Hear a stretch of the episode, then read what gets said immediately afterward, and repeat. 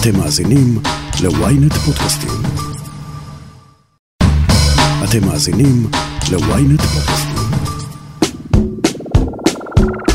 היי, ברוכים הבאים לרפרש, פודקאסט הטכנולוגיה של ynet. אני יובל מן, אושרית גנאל תחזור אלינו בעוד שבועיים.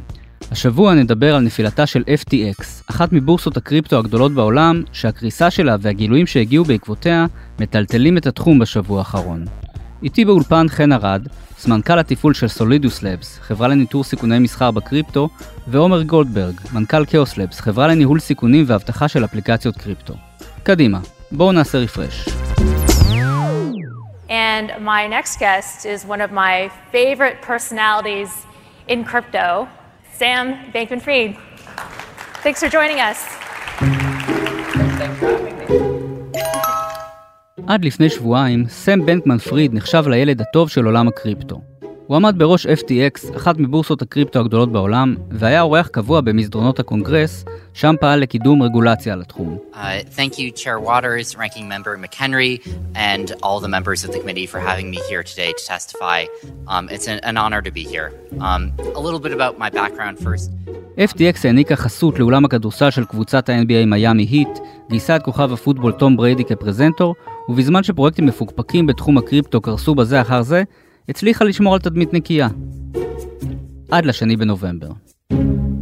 FTX went from a $32 billion company to bankruptcy in the matter of just four days or so.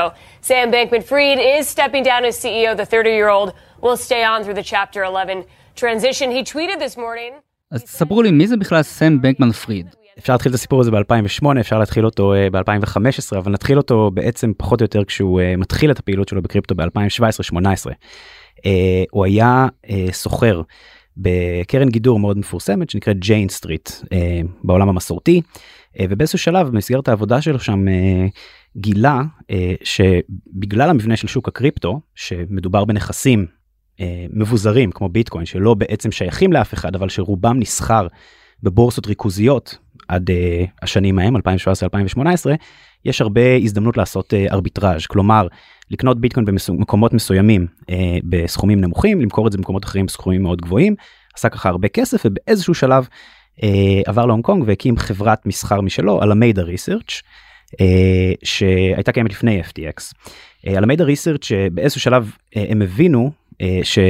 uh, כדי להאיץ, לאפשר פעילות יותר יותר uh, יעילה uh, uh, מאוד הגיוני להם להקים גם uh, בורסת קריפטו ואז הם הקימו את FTX כשבעצם על המידע משמשת כעושת שוק של FTX בעצם מבטיחה שיש הרבה נזילות בשוק שאפשר לקנות uh, ולסחור בנוחות. Uh, ובעצם יצרו שם איזשהו מודל חדש שעבד מאוד מאוד טוב לעומת הרבה בורסות אחרות uh, שניסו לצמוח שהייתה להם בעיית נזילות. חשוב לציין שקצת אחר כך בין 2018 ל-2020 שוק הקריפטו המחירים של ביטקוין ירדו מהשיא שלהם ב-2017 20 אלף דולר באזור ה-3,000 דולר.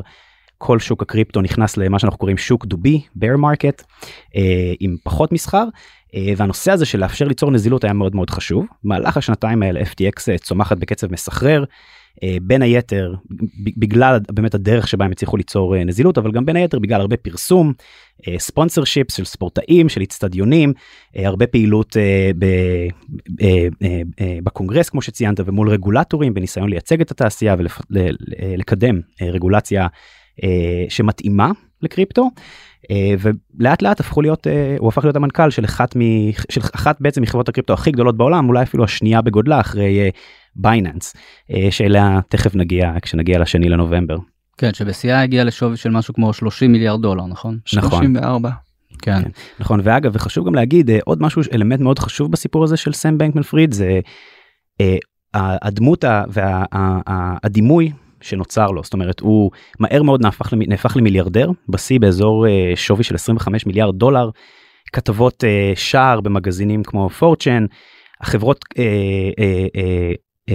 ה-VC's חברות ההון סיכון הכי גדולות בעולם השקיעו בו חברות כמו סקויה שידועות בהשקעות בחברות כמו אפל וכולי הגיעו באמצע 2021 הם גייסו 900 מיליון דולר אחר כך עוד 400 מיליון דולר הגיעו לשווי כמו שעומר אמר אם זוכר נכון של 32-34 מיליארד דולר והוא עצמו פיתח דימוי של מיליארדר פילנטרופ כלומר הוא המשיך לחיות עם שותפים, נהג בטויוטה קורולה, טבעוני, ובעצם הבטיח שאת כל ההון שלו הוא בסופו של דבר יתרום, אה, שזה גם חלק מאוד חשוב מהסיפור הזה, אה, שכאילו שהוא שיחק אה, בעולם הקריפטו. אז כל זה השתנה בשני בנובמבר, מה בדיוק קרה שם? אז בשני, כאילו בשבועות שקדמו לזה סם הופיע המון בקונגרס האמריקאי מול רגולטורים בניסיון לקדם את עניין הרגולציה בוושינגטון. ולפחות מה שהתפרסם בטוויטר זה שהוא הסתכסך עם uh, המנכ"ל של בייננס שזה היום ה exchange הכי גדול בעולם מבחינת נפח מסחר. ובגלל שבייננס למעשה היו מהמשקיעים הראשונים של FTX הם החזיקו בהרבה מהמטבע ה native של ה exchange FTX שנקרא FTT הוא אמר אוקיי אנחנו כבר לא מסתדרים זה פומבי כולם רואים את זה עכשיו אני הולך למכור את כל הנכסים שיש לנו ל-FTX לנקות שולחן. ברגע הזה הם, אמ, היו לי מאות מיליוני דולרים מהנכס הזה נכנס קצת פאניקה בשוק וסם אומר שהוא יקנה את זה בשמחה וככה זה התחיל למעשה. מדובר בתקופה תקופה זו בין 2018 ל-2020 שהתעשייה כולה מאוד התרכזה בנושא של רגולציה להבין איך מתחילים לעמוד תחת רגולציה איך אה, איך אה, בעצם איך מאפשרים את הפוטנציאל של קריפטו אה, שזה מה שחברות כמו שלנו עושות יוצרים טכנולוגיה שמאפשרת את הפוטנציאל של קריפטו כדי אה, דרך המיתון של הסיכונים הללו ולאט לאט באמת נהיו הרבה חברות כמו FTX שהיא הייתה אחת המובילות שמנהלות את זה בצורה ריכוזית מנסות לעמוד ברגולציה וכולי. להרבה מאוד מחברות הקריפטו האלה יש איזשהו מטבע אה, פנימי אה, שבעצם יוזרים יכולים לקנות במקרה של FTT בעצם FTX טוקן זה הראשי תיבות אה, זה שימש אה, יוזרים משקיעים יכלו לקנות אותו וזה נתן כל מיני סוגים של הנחות בזמן שאתה סוחר ושימש לכל מיני שירותים פנימיים בתוך הבורסה. זה גם דרך של הגופים האלה לגייס כסף במידה מסוימת אה, כאילו להכניס יותר כסף למערכת ולתת איזשהו שירות ללקוחות. זה בסופו של דבר מתחבר גם מאוד לתופעה שנקראת ICOs זה לא בדיוק אותו דבר אבל התופעה שנקראת ICOs. Initial coin offering של 2000 הנפקת מטבעות. בדיוק הנפקת מטבעות. אה, יש יש דמיון לנושא של כאילו בעצם אה, מכירת מניות כדי להכניס כסף אה, למערכת. חשוב להגיד ש. באופן כללי כאילו באופן כללי לרוב זה לרוב זה מגיע עם איזושהי בהרבה מהמקרים זה מגיע עם איזושהי הבטחה שהכסף הזה לא ישמש למטרות אחרות כלומר להשקעות אחרות. אבל שוב זו זה היה השימוש של FTT בתוך FTX אה, בעצם אם אני חוזר למה שעומר אמר לפני שנייה אה, אחד הדברים שקרו זה שקוינדסק שזה אחד אה, מהגופי תקשורת הכי הכי מובילים ונחשבים גם מאוד מהימנים בעולם הזה של הקריפטו עם מיליוני קוראים בחודש פרסם בעצם על סמך איזושהי הדלפה איזשהו מסמך שהגיע אליהם משהו שהראה שהמון מהנכסים של אלמיידה ריסרצ' אני חוזר לחברה הזו שהייתה קיימת בהתחלה כי לאט לאט היא בעצם נכנסה שוק של הצל... כאילו בעצם לצללים שמאחורי FTX ובאמת עסקה עסקה בעשיית שוק ב-FTX ובמסחר אה, המון מהנכסים של החברה הזו אה, בעצם היו ב-FTT כלומר אה, שהנזילות שלהם תלויה ברמת המחיר ובנזילות של FTT עכשיו חשוב גם ללכת כמה חודשים אחורה. עולם הקריפטו כבר חצי שנה פחות או יותר אה, בתקופה ב down market מה שנקרא. שוב שוק, חזר לשוק דובי אחרי צמיחה מאוד מאוד גדולה ב, שהתחילה במהלך קוביד ונמשכה לתוך 2021 כאילו אה, שבאמת עולם הקריפטו הגיע לשיא של אה, משתמשים ו volumeים נפחי מסחר. ו, אבל אז נכנס לאיזושהי ירידה. אני בטוח שיצא לכם לדבר פה ושהמאזינים מכירים את הסיפור של טרה לונה קריסה של המטבע היציב האלגוריתמי שחלחלה לכל השוק אה, ומחקה כאילו הכי הרבה פחות או יותר אה, נכסי קריפטו עד אז בבת אחת. זה זה התחיל להוביל לירידת מחירים כללית הרבה חברות מסחר שונות לא רק על המידע התחילו להפסיד כסף בגלל שהם בנו על מחירים שיעלו וכולי. בשלב הזה אה, לא בדיוק לא, אגב חשוב גם לציין בהקשר של כל הסיפור הזה שהוא עוד יחקר יש עוד הרבה פרטים שהתגלו ואנחנו כמובן מדברים לפי מה שכבר עכשיו אה, מה שפורסם חשוף כן. אבל בשלב הזה כנראה הייתה איזושהי העברה של נזילות ב-FTT מ-FTX uh, לאלמידה כלומר נשאר שם קשר מאוד הדוק שלא בהכרח הרבה הבינו אותו ולא ברור כמה בדיוק הוא היה חשוף בין שתי החברות האלה. ובעצם אפשר להגיד אה, לפחות החשד הוא סוג של ניגוד עניינים. אה, על המידע התחיל כאילו בעצם השתמשו בכסף הזה כדי אה, לייצב את עצמם אה, ולהמשיך אה, לסחור. אה, ואז פתאום מגיע השני לנובמבר והפרסום הזה שהם בעצם אה, הרבה מאוד מהנכסים שלהם זה בנכס הזה שהוא אה, מאוד מאוד בסופו של דבר הוא נכס קריפטו הוא לא דולרים הוא פחות והוא גם נכס קריפטו פחות יציב ומוכר זה לא ביטקוין או אית'ריום אה, אה, וזה יצר כמובן את החשש שעומר אה, דיבר עליו קודם. כן אז זה גורם לאיזה משבר אמון ב-FTX ואז אה, באמת אה, אני רק אוסיף שזה יותר ממשבר אמון אה, וניקח כזה צעד אחורה רק כדי להסביר למה זה פגע בהם כל כך חזק אז ש... FTX גייסו את אחד מה roundים הכי ראשונים שלהם אחד מהמשקיעים העיקריים היו בייננס זה עוד לפני ש-FTX היה exchange מספר 2 בעולם. התחילו כזה בקשר מאוד חברי המנכ"ל של בייננס והמנכ"ל של uh, FTX ובאיזשהו שלב הבינו שיש פה ניגוד אינטרסים ושבייננס צריכים למכור את ה stake שלהם בתוך FTX הם כבר לא יכולים להחזיק uh, מכל מיני סיבות uh, של ניגוד אינטרסים אז במקום בעצם למכור לתת uh, לבייננס כסף על ה equity שלהם הם אמרו להם אנחנו לא נביא לכם מזומנים אנחנו נביא לכם הטוקן שלנו FTT אז פה למעשה היה המכירה הגדולה של ה-FTT.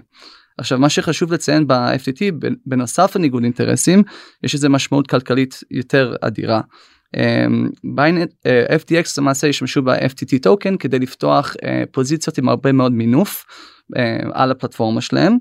וכמו שחן אמר זה מטבע שהוא יחסית יותר קטן ולא נזיל אז הם כבר פתחו פוזיציות בשווי של מיליארדי דולרים שמאוד תלויים במחיר של FTT ואז בשני לנובמבר המנכ"ל של בייננס בא ואומר שהוא הולך למכור בערך 400 מיליון דולר של המטבע הזה שכמובן יקריס מה שהתגלה אחרי שהתפרסם ה balance sheet שלהם שיקריס את כל הפוזיציות שלהם אה, ויגרום כאילו ליקודציות בכל השוק אז פה בעצם התחילה הפאניקה.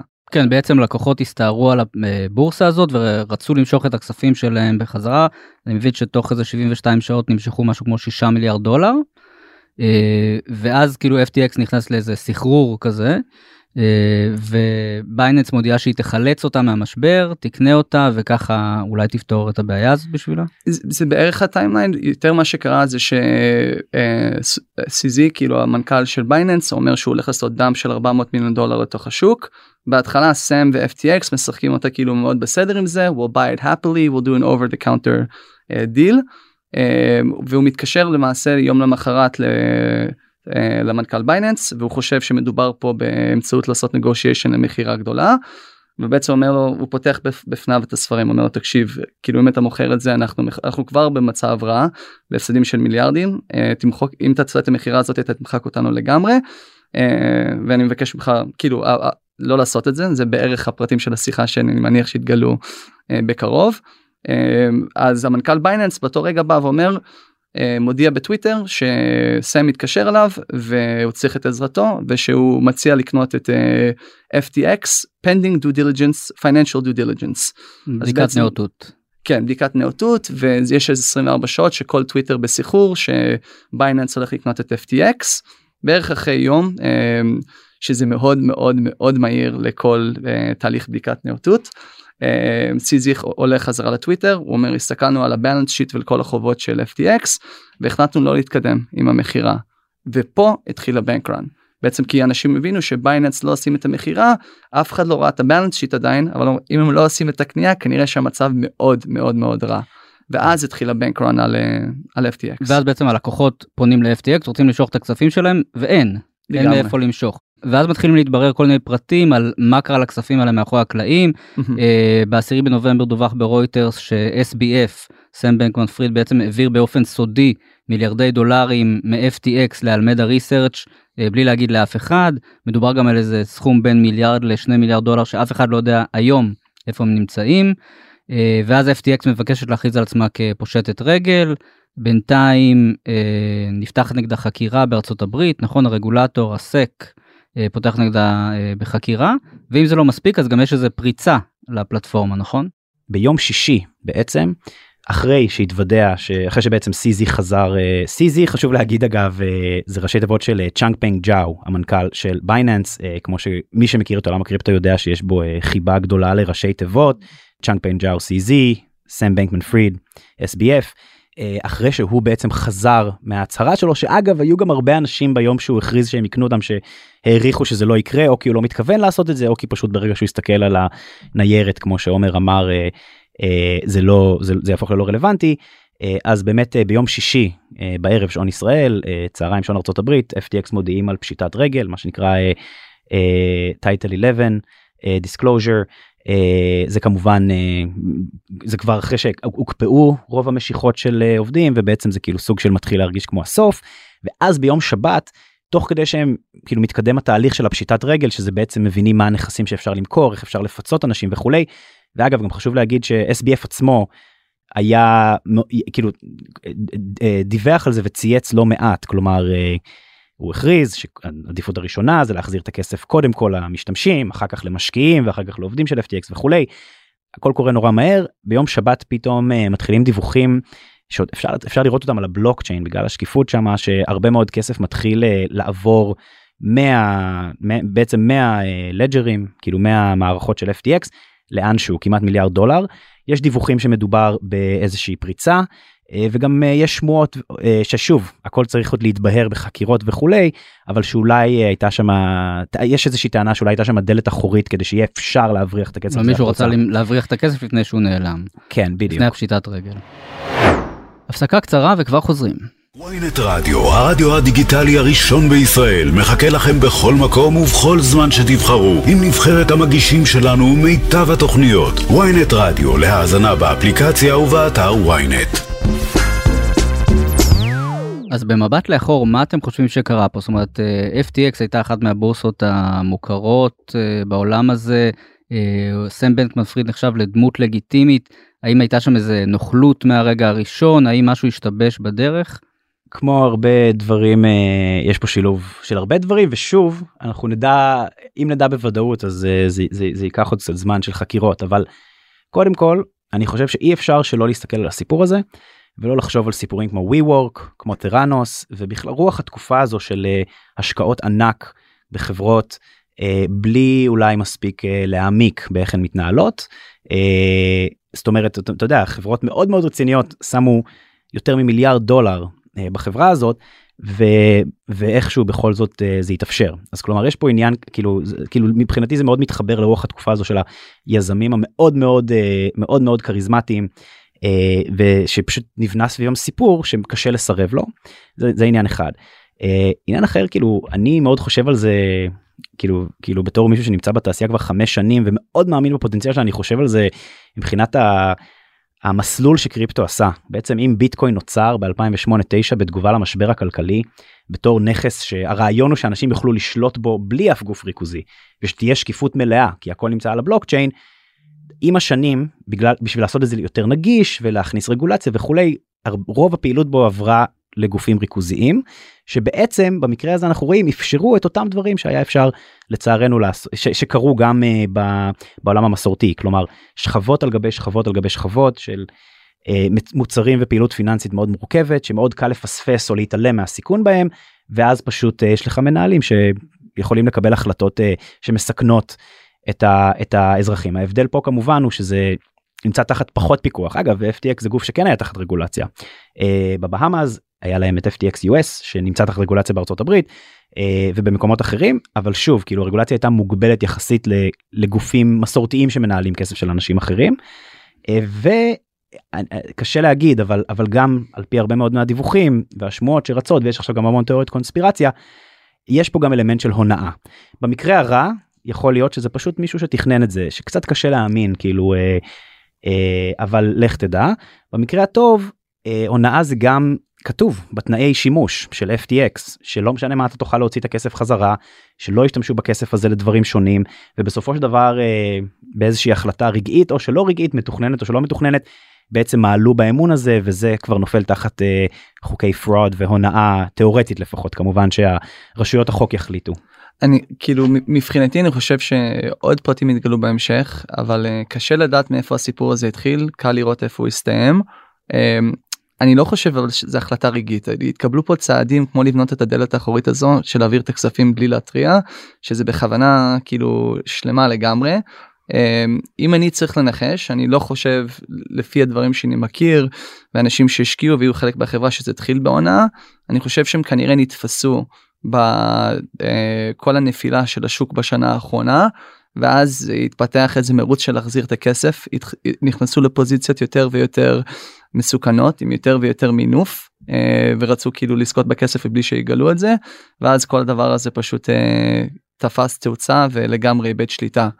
אמ, זאת אומרת הייתה פה איזה אופטימיות יתר של אה, SBF הוא חשב שהשוק ימשיך וימשיך לטפס וש, ושהוא יוכל להחזיר את הכסף הזה שהוא הוציא מ-FTX ולהחזיר ללקוחות אבל זה לא קרה. כן. בדיוק, הוא, trade, הוא ידוע ובאלמדה בפרט כטריידרים מאוד מאוד אגרסיביים הם זכ, זה חלק מהסיבה שהם זכו להצלחה כל כך גדולה בטווח זמן כל כך קצר. אבל uh, בסוף הוא הוא לא אימיון למה שהוא לא חסין למה שקורה פה בשווקים והוא גם נתפס. ואז, כן. ואז נשאלת השאלה מה זאת אומרת זה בשילוב עם חוסר שקיפות uh, כלומר. אמנם FTX הייתה תחת רגולציה מסוימת uh, אבל לא הייתה שם את אותה רמת שקיפות של חברות ציבוריות או של גופים פיננסיים מסורתיים שחייבים לדווח באופן קבוע על כמה כסף הם מחזיקים לעומת כמה כסף הם uh, משתמשים בו וכולי ופשוט uh, וריכוזיות. כלומר כאילו בסופו של דבר כשאין מספיק checks and balances מעצורים ובלמים הסיכוי שמשהו כזה יקרה הוא גבוה יותר uh, ולכן באמת כאילו כמובן שהרבה מאוד מהשאלה סביב זה היום מתחת רגולציה ואיך התעשייה מתקדמת מכאן. כן אפילו המשקיעים אני מבין שלא קיבלו uh, מושב בדירקטוריון של FTX. שום דבר כאילו אז לנו יש חלק מאותם משקיעים uh, וה round שהם עשו ב-34 מיליארד דולר האחרון. אה, שהיה בהובלה של סקויה אה, בוודאות והמון קרנות כמו סופטבנק היפני לייטספיד וכו'. אה, זה היה round מאוד מאוד חריג במובן שלא היה שום זכות ל information rights שזה בעצם הזכות למשקיעים לקבל אינפורמציה על, על המצב הכלכלי והכללי של החברה באופן רבעוני ואף אחד לא ב board. אז לא היה שם שום פיקוח מהצד המשקיעים פשוט הביאו לו מאות מיליוני דולרים אה, וקיוו לטוב בגדול. ששוב זה מאוד מזכיר סיפורים שכבר שמענו עליהם אה, ואגב גם חלק מהשמות סופטבנק למשל כן. שהיו מאוד מעורבים בווי וורק ובאובר אה, כאילו מאוד מזכיר את הסיפורים האלה וזה זה מאוד מחבר לעוד נושא שהוא אתגר מאוד גדול לתעשיית הקריפטו הנושא של פומו ובאז. פומו כמובן uh, fear of missing out החשש להפסיד הזדמנות. אה, זה נכון בשתי היבטים א' מהצד של משקיעים. העניין הזה של השקעות הוא זה זה דינמיקה של ביקוש והיצע. ברגע ששוק הקריפטו 2018 2020 2021 מאוד מאוד צמח ו-FTX הראה עלייה אקספוננציאלית חשוב לציין שהם כשהם גייסו את הסיבובים האלה היו להם רווחים לא רק אה, היו להם הכנסות סליחה רווחים לא רק הכנסות כבר של מאות מיליוני דולרים כן זה לא היה חברה שלא הייתה רווחית אה, אנשים רוצים להיכנס ובעצם הקלפי מיקוח של היזם או של החברה יותר חזקים ואפשר כאילו לדרוש לא להכניס אנשים לבורד וכולי. אה, מצד שני זה גם העניין של המשתמשים.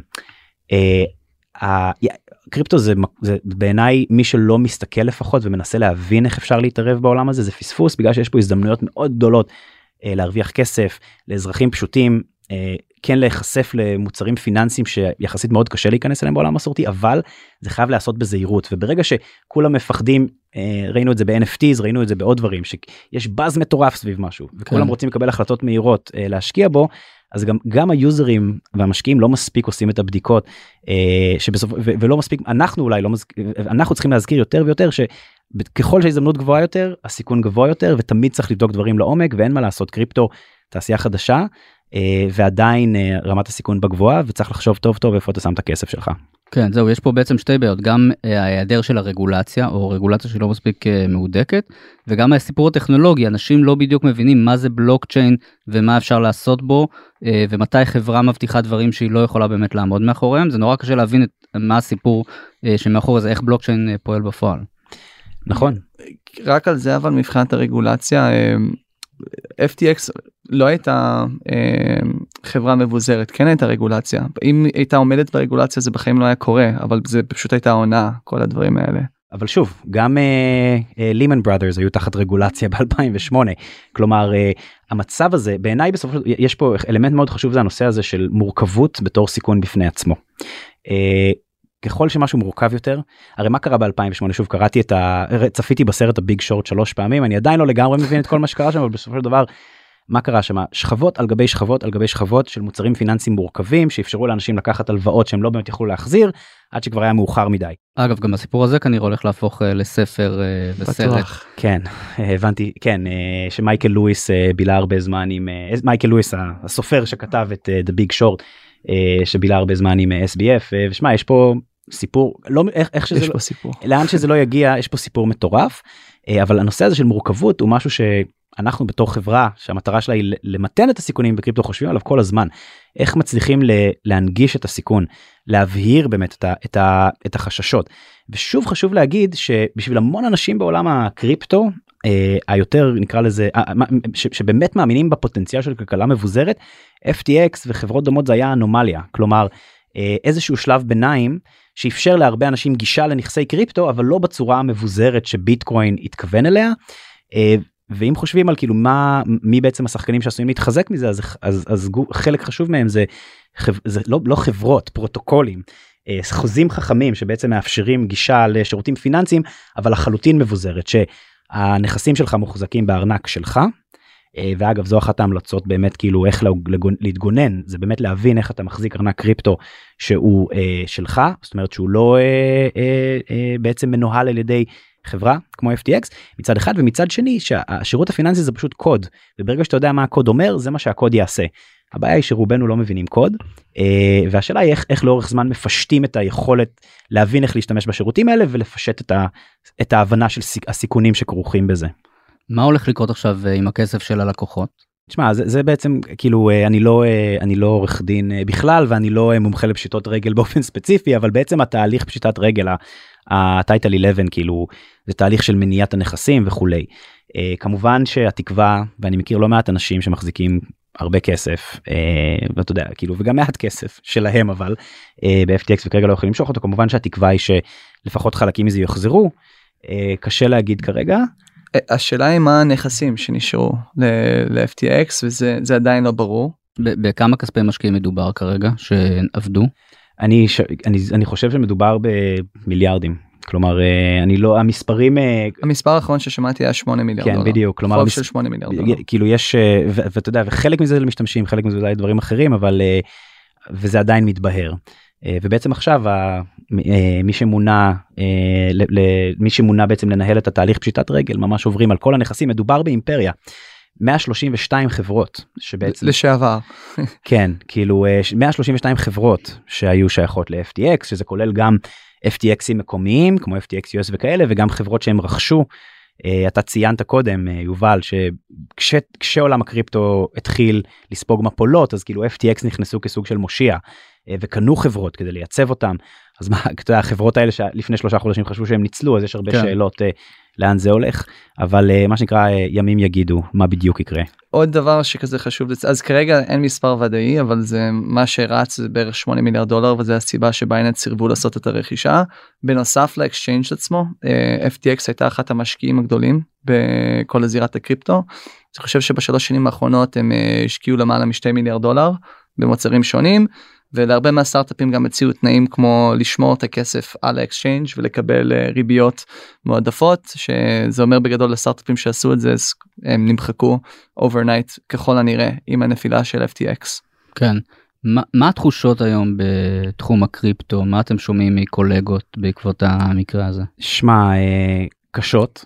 אני יכול להגיד לך שאתמול הקשבתי לבנקלס שזה אחד הפודקאסטים היותר מפורסמים אה, היותר מוכרים אה, בכל העולם שמקדם את הנושא של כלכלה מבוזרת ו, והמגישים פשוט בכו תוך כדי שידור. אה, יש המון תחושה של המון המון אנשים שבסופו של דבר עובדים יום ולילה כדי מתוך אמונה שהטכנולוגיה הזו יכולה לשפר את העולם ולשרת את החברה ושפשוט באו אנשים וגנבו להם אותה ועשו לה שם רע כאילו ממש ממש כאילו כאילו אני חושב שהמגיש הזה ספציפית שברח לי השם שלו דיוויד הופמן דיוויד הופמן אני חושב שהוא ביטא תחושה ביטא תחושה מאוד מאוד אה, נפוצה כרגע בעולם הקריפטו. אנחנו מנסים לבנות כלכלה טובה יותר ועל הדרך מגיעים אה, אנשים שמחזירים את זה לצד לעולם הריכוזי לדברים שמכירים בעולם המסורתי ומאוד מאוד אה, מקשים על היכולת להשיג את האמון של הציבור ולאפשר לטכנולוגיה הזו לממש את הפוטנציאל שלה. אני חושב שזה תלוי מאיזה נקודת מבט מסתכלים. קודם כל אין איך להפוך את זה זה סטבק עצום אה, ל adoption של קריפטו במיינסטרים. זה אחת ההונאות הכי גדולות שנראו בשנים האחרונות. לא רק בקריפטו. בעולם כן כאילו סדרי גודל של 8-10 מיליארד דולר זה זה זה מטורף אה, אז זה מאוד קשה זה מאוד כואב זה ייקח הרבה זמן לזכות חזרה באמון של הציבור. עכשיו אם אתה בא מהזווית של DeFi של uh, Decentralized Finance זה דווקא מחזק את הצורך בדבר הזה עוד יותר. עכשיו הבעיה היא אבל שזה ייקח זמן כי רוב האנשים רוב הרגולטורים הם לא עושים הפרדה לדעתי בשלב הזה בין קריפטו לבין דיפיי לבין חברות כמו FTX לבין בלוקצ'יין זה הכל יושב אצלם באותה סלסלה אז uh, short term זה לא טוב לתעשייה long term זה מחזק את הסיבה שהבליברים האמיתיים כמו שחן אומר הם פה. אני, אני כן חייב להגיד שאני מסכים במאה אחוז אה, אבל הבהרה שלי חשוב להגיד על, על הנושא של רגולטורים ואיך הם תופסים את התעשייה. אה, אנחנו עובדים מאוד קרוב עם רגולטורים.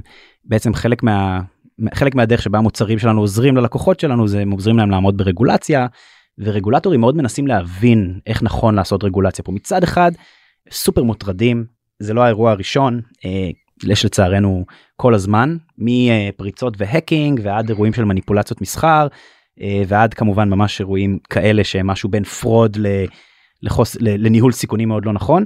אה, כן כן התפתחה עם השנים אגב גם גם אה, גם גם אצל רגולטורים בארץ ובטח שבארצות הברית ובכל העולם הבנה שיש פה בעצם שני דברים שונים אבל אבל אתה יודע זאת אומרת שדיפיי זה משהו אחר זה משהו שהוא צריך אולי שיכול להיות שבטווח הרחוק דיפיי כשאני אומר כוונה היא decentralized finance ממש שירותים מבוזרים שאין חברה בעצם שמנהלת אותם בדיוק.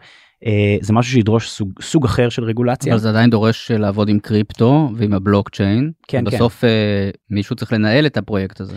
נכון, עכשיו אתה יודע, זה, זה דיון פילוסופי, כלומר האם, האם, האם זה שמשהו פרוטוקול uh, ואין אף אחד ששולט באיך שהמסחר מתנהל שמה, אומר שאף אחד לא אחראי כמובן שרגולטורים אומרים שזה ממש לא המצב וכמובן שיש אנשים בתעשייה שאומרים ש... אה, שכאילו ויש חברות ויש בעצם פרוטוקולים שמנסים לטעון שאין להם אחריות. אה, רגולטורים מבינים שזה שונה וחשוב גם להגיד שכאילו עולם הקריפטו עבר מהפכה מטורפת מבחינת הגישה הזו לניהול סיכונים בשלוש ארבע שנים האחרונות. אה, אנחנו עובדים עם בורסות הקריפטו הכי גדולות בעולם יש שם צוותי ניהול סיכונים אה, יותר גדולים מאשר לפעמים יש בבנקים מסורתיים אה, ו, ו, והרוב, והרבה מהאנשים שמגיעים אליהם מגיעים מבנקים מסורתיים כלומר זה לא חבורה של ילדים. אה, הרבה מאוד אנשים הגיעו מהעולם המסורתי לקריפטו וגם הרבה אנשים שמגיעים מה, מהעולם הרגולטורי כבר היום עובדים בקריפטו אה, וכל זה מתוך אה, רצון לקדם את הבטיחות. אני חושב שבנוסף אה, באמת לעובדה שיש פה סוג של ארגיומנט שתומך ומאוד מעודד את הנושא של לקדם שירותים מבוזרים יש פה גם אה, רגע מאוד אה, מכונן לחברות שבאמת הלכו עד הסוף עם העניין הזה של רגולציה. חברות למשל כמו קוינבייס אה, שהיא חברה ציבורית בארצות הברית היא מדווחת כמה כסף יש לה בבנק וכולי באופן קבוע. זה כאילו במידה מסוימת זה הפריע להם לצמוח אבל כלומר זה האט את הצמיחה שלהם אבל הסיכויים שמשהו כזה יקרה בחברה שהיא באמת תחת רגולציה מאוד מאוד מאוד מאוד אד הוק הם יותר נמוכים.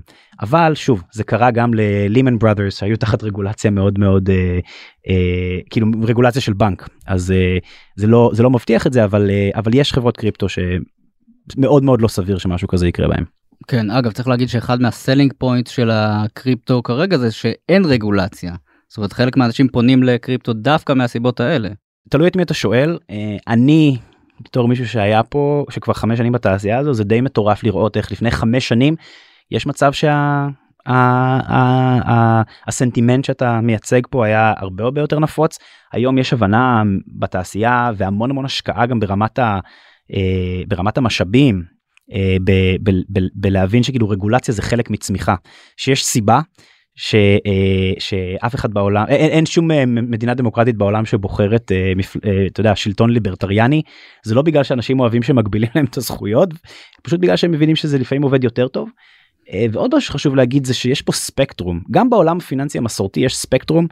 אתה יכול ללכת לסחור במניות של אפל זה הכי תחת רגולציה בעולם ואתה יכול ללכת לסחור במה שנקרא penny stocks שכאילו כמעט ואין שם רגולציה. גם בקריפטו הספקטרום הזה מתרחב עם השנים כמו שמתרחב הספקטרום של דברים שהם לגמרי מבוזרים דברים שהם לגמרי סנטרליסטים ובין באמצע יש כל מיני מודלים אחרים למשל אה, אה, אה, מנגנון אה, מסחר אה, אה, שהוא אה, מבוזר אבל שיש שם איזשהו ניהול אה, ריכוזי של הסיכונים למשל. אני רק אוסיף שכאילו אם אתה בארצות הברית או ישראל שיש לנו גישה לשירותים פיננסיים אז יכול להיות ש selling point מאוד גדול זה שאין רגולציה בקריפטו אבל אם אתה שייך לאחד מבערך 65% מכלל העולם שאין לה חשבון בנק אז למעשה זה זה היום יום של האנשים בכלכלה להגיד ארגנטינה שיש אינפלציה מטורפת. הדבר שאנשים עושים שם זה ישר לוקחים את המשכורות שלהם ומעבירים את זה למטבע כמו USDC אז מבחינתם זה לא ה selling point זה לא שיש רגולציה זה שיש מפלט למקום שהוא יותר יציב מהכלכלה המקומית ולא מושפעת מכל ההחלטות שהממשלה שלהם מקבלת ששוחקת את ערך הכסף. סופר חשוב לזכור את זה. אני ממש שמח שאמרת את זה אומר סופר חשוב לזכור את זה ברגעים שבהם באמת כאילו עולם הקריפטו נמצא תחת המון המון אה, לחץ וכעס כי כי בסופו של דבר כאילו המצב הזה שיש מיליארדי אנשים שיש להם טלפון עם אינטרנט אבל אין להם חשבון בנק בגלל המקום שהם חיים בו קריפטו יכול להיות הפתרון שייתן להם גישה לשירותים פיננסיים ובנקים וחיים טובים יותר אה, אבל מן הסתם כאילו יש יש עוד הרבה להוכיח והרבה לשפר כדי ש, כדי שזה ייעשה בצורה בטוחה. כן, בשנה האחרונה ראינו שורה של פרויקטים אה, קורסים, טרה לונה שהיה אמור להיות מטבע יציב, אה, צלזיוס שהלקוחות שלה הפסידו מיליארדים, קרן הגידור 3AC אה, שהמייסדים שלה נעלמו ואיתם גם הכסף. מה קורה בתחום הזה שמאפשר לכאלה הונאות לקרות? אני תמיד חושב על זה כמשולש, משולש של שלושה דברים ש... ש... שמאפשר מרמה ופשוט יוצר סיכונים מאוד גבוהים. הראשון זה העניין הטכנולוגי. כל עולם הקריפטו מבוסס על טכנולוגיה חדשה אה, והיא עדיין אה, נבחנת והיא עדיין הפערים כאילו שזה, שזה באמת הרבה מהעבודה שאנחנו עושים עם לקוחות אנחנו וכאוס אה, חברה של עומר.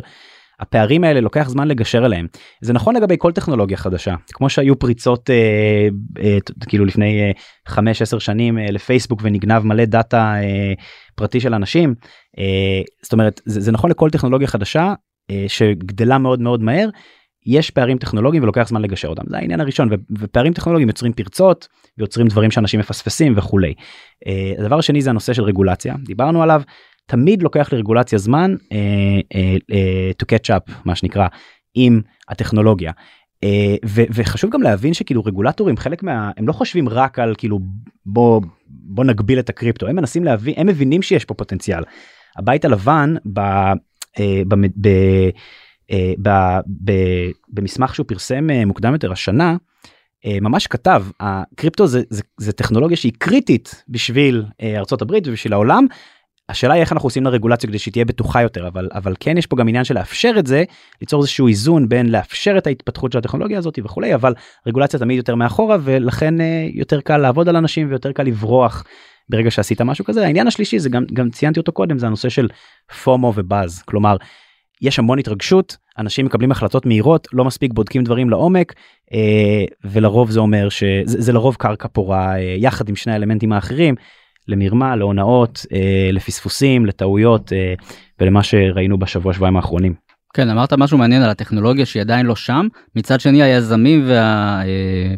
החברות בתחום אה, לא ממהרות לספר את זה ללקוחות הפוטנציאליים שזו טכנולוגיה שהיא בימים הראשונים ושיש חולשות ושיש אפשרות לבצע מניפולציות וזאת אחת הבעיות אה, הגדולות לדעתי.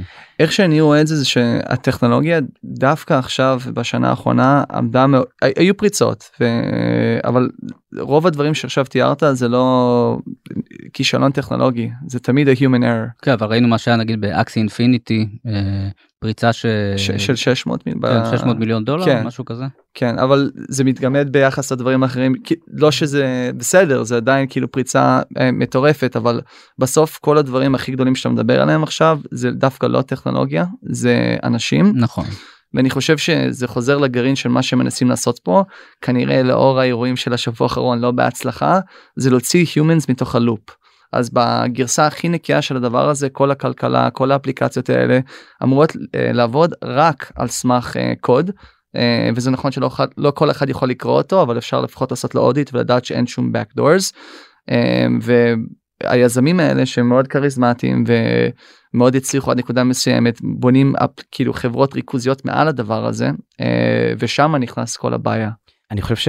שאמרת יפה כאילו יש פה עניין חלק מהתפקיד של יזמים זה בצורה בריאה לדעת מאוד מאוד כאילו לייצג את הטכנולוגיה שלהם להתלהב ממנה ולשתף את ההתלהבות הזאת אבל כמובן שחלק זה גם לדעת לעשות את זה בצורה אחראית אה, ויש הרבה דוגמאות שציינתי קודם שהן לא קשורות לקריפטו בכלל אה, מווי וורק ועד טראנוס וכולי.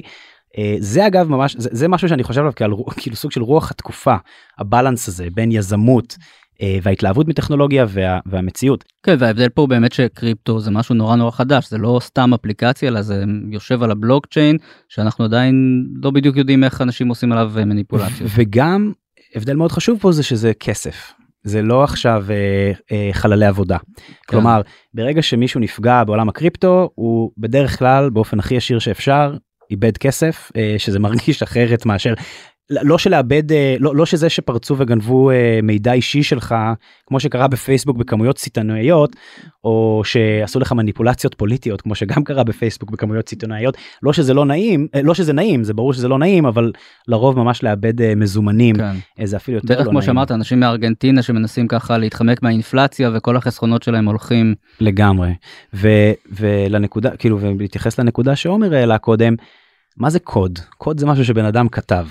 אה, יש המון ז'רגון שזה גם חלק מהעניין הזה של מורכבות. חוזים חכמים פרוטוקולים וכולי. בסופו של דבר מדובר בקוד במערכות של קוד מערכות גדולות יותר של קוד. קוד זה משהו שאנשים כותבים. ובקודים יש חולשות. נכון. אבל בדיוק יש מהם חולשות. אבל אה, אם אני ש, שוב פעם אה, עושה פיגי בקינג כמו שאומרים באמריקה לנקודה של עומר. בוא נחשוב שנייה גם על היתרונות. ואני אתן דוגמה פרקטית. אנחנו לפני איזה חודש הוצאנו דוח שמיפה את כל uh, הטוקנים uh, שהם בעצם בוודאות מרמה על 12 בלוקצ'יינים שונים כלומר בבת אחת uh, באמצעות סריקה של קוד יכולנו לראות uh, uh, את כל הטוקנים שבוודאות לפי הקוד שמופיע בהם נועדו כדי לגנוב מאנשים אחרים כסף.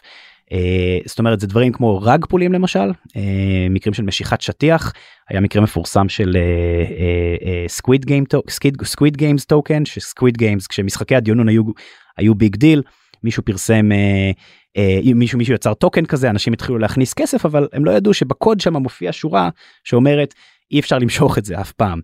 אוקיי. Okay. אבל הנקודה זה, זה די מדהים זאת אומרת ובאמת הוצאנו את הדוח הזה ופתאום אתה יכול להסתכל על 12 בלוקצ'יינים שונים ולהגיד אלה כל, ה, כל הסוג, כאילו זאת אומרת הנה אחוז מאוד גדול מהטוקנים שנועדו כדי לרמות.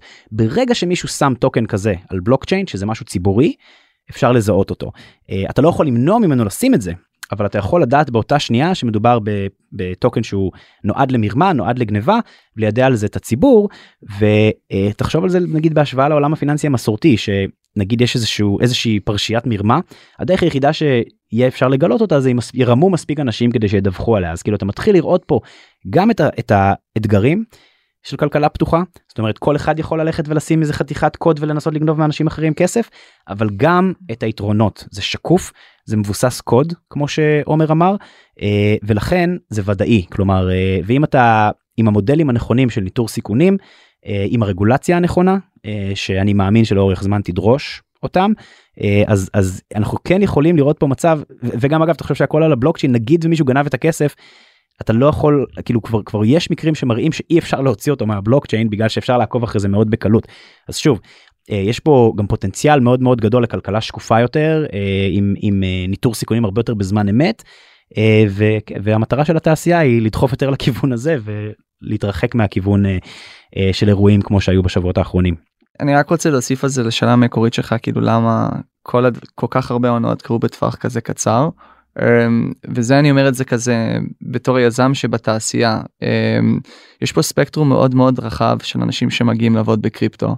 יש זה מובן שיש פה הזדמנות אדירה של אה, יצירה של wealth אבל הדבר הזה מביא אנשים מכל מיני קצוות. יש מצד אחד אנשים שבאמת רוצים מאמינים בקונספט ורוצים uh, להנגיש כאילו אפליקציות מבוזרות ושירותים פיננסיים לכל העולם ויש הרבה scammers שמגיעים ואני לא אכנס כאילו לפרטים כי כמובן nothing is confirmed אבל גם מכל הדברים שהזכרת 3AC סלסיוס ואין סוף הפריצות והדברים שהיו בשנה האחרונה זה לרוב אנשים שאחר כך מתגלה שיש להם רקע אה, בדברים האלה. כמובן זה לא זה לא אומר שזה כולם ויש מצב שהרבה דברים האלה זה coincidence וקרה אבל זה הרבה מאוד coincidences אה, עם הרבה מהאנשים שאחר כך נתפסים. איך אתם חושבים שפרשת אה, FTX תשפיע על הרגולציה בתחום? אה, בכמה דרכים. תראה, קודם כל חשוב להגיד שעוד לפני FTX ועוד לפני חלק מהאירועים הגדולים של אה, לפני חצי שנה, כבר, כבר יש תהליכים מאוד מתקדמים של קידום רגולציה בתחום. אתה יודע, יש מקומות שזה התחיל בהם ב-2019 כבר, כאילו, אתה יודע, בהונג קונג, מלזיה, כבר יש דרישות מאוד ברורות למה אתה צריך כדי לנהל שם אה, בורסה. אה, אירופה בדיוק עכשיו מכניסה לתוקף את מייקה, Markets in Crypto Asset Regulation, שגם כולל הגדרות, הגבלות מאוד מאוד ברורות, כולל על הנושא של ניהול האוצר של חברות, למשל כאילו בדומה למה שקרה ב-FTX. וגם בארצות הברית יש שני אה, אה, יש שני חוקים שהוצגו כבר אה, בסנאט ובקונגרס אחד כללי יותר ואחד הוא ספציפית על אה, מסחר אה, בעתודות קריפטו. אני חושב תמיד יש אלמנט של בתעשייה של אה, התנגדות לרגולציה האלמנט הזה דעך עם השנים כמו שאמרתי יש הבנה שרגולציה זה חלק מהצמיחה. אבל מן הסתם אה, הרבה מי שטען ככה יהיה לו הרבה יותר קשה לטעון ככה ורגולטורים שכן רוצים לבוא ולהציג חקיקה ולהציג אה, אה, רגולציה שתגביל את הדברים האלה אז כאילו תהיה להם רוח גבית הרבה יותר חזקה. אה, אני גם חושב שזה נותן דוגמאות כל פעם שקורה משהו כזה כמה זה כואב והלוואי שלא היה קורה אבל זה גם נותן דוגמאות למה הדברים שצריך אה, לפקח עליהם. אז אני מאמין שגם אנחנו נראה יותר חקיקה אה, גם של רגולטורים על הנושא של אה, הוכחות של כמה כסף יש לך ואיך אתה משתמש בו מה שנקרא proof of reserves וגם אנחנו כבר רואים אה, באופן וולונטרי בתעשייה מאמץ מאוד גדול של, של בורסאות קריפטו סנטרליסטיות להראות את ה-proof of reserves שלהם כדי להוכיח שהם לא עושים את אותם דברים. מה ההמלצה שלכם למשתמשים שאולי הם כבר נמצאים בקריפטו אולי הם רוצים להיכנס לקריפטו לאיזה בורסות ללכת ממה להיזהר יש לכם אולי כמה טיפים. כאילו ב... not financial advice זה לא עצה uh, פיננסית אבל בגדול uh, יש כזה משפט פתגם בקריפטו not your keys not your crypto כל אחד היום יכול לא חייב בעצם להחזיק את הקריפטו בבורסה זה נכון שזה יותר טכני אבל תוך 10 דקות או רבע שעה יש מלא tutorials ביוטיוב שיכולים להראות איך לפתוח ארנק אה, ולשמור את הסיסמה אז ההמלצה שלי תמיד זה לעבור דרך כל הגופים הריכוזים האלה כמה שפחות זמן אם אתה צריך לעשות איזה trade ספציפי תעשה את זה ותוציא את הכסף משם וככה זה הכי בטוח. אה, אני חושב שגם תשימו לב אפילו יותר טוב למה החברות שאתם עובדות איתם. אם יש לכם אפשרות לעבוד עם חברה שנסחרת ציבורית למשל מה שמגיע עם uh, דרישות uh, כאילו ציות עמידה ברגולציה מאוד מאוד גבוהות uh, בארצות נגיד חברה שנסחרת ציבורית בארצות הברית סביר להניח שהיא יותר בטוחה. uh, כמובן עוד דברים כאילו לא לקבל החלטות מהירות. uh, ככל שההזדמנות גבוהה יותר הסיכון גבוה יותר תמיד צריך לזכור את זה. Uh, אני גם חושב ששימו לב אה, כאילו האם החברות האלה משתמשות בשירותים שעוזרים ליצור שקיפות? אה, שזה סוג, סוג הדברים שגם סולידוס וגם כאוס לאבס עושות. כלומר כמה הן משקיעות בלנסות ליצור את, הביטח, את הבטיחות הזאת? אתה יודע שוב אמרת קודם על רגולציה גם במקרה של FTX היה להם שירותים כאלה אבל היה זה לא היה מספיק אבל באמת כאילו שילוב של כל הדברים האלה וכן כאילו להתחיל להבין איך באמת כלכלה מבוזרת עובדת בגלל שזה כאילו זה ככה או ככה זה יהיה חלק מאוד חשוב בעתיד של הפיננסי של כולנו. דבר אחרון אל תשקיעו כסף שאתם לא יכולים להרשות לעצמכם להפסיד אמ, ואין כזה דבר אה, high reward ללא סיכון גבוה ואם מישהו אומר לכם שאין סיכון אז אה, עובדים עליכם. חן ארד סולידוס לבס ועומר גולדברג כאוס לבס תודה רבה. עד כאן רפרש להפעם. כדי להאזין לפרקים הבאים שלנו, עקבו אחרינו בוויינט, בספוטיפיי או איפה שאתם שומעים פודקאסטים. דרגו אותנו באפל פודקאסט ובספוטיפיי ותשלחו את הפרק לחברים שחייבים לעשות רפרש. נשמח לראות אתכם גם בקהילת רפרש בפייסבוק. עורך הפודקאסטים שלנו הוא רון טוביה. על הסאונד גיא סלם. תודה לחן ארד ולעומר גולדברג. אני יובל מן. להתראות בפרק הבא.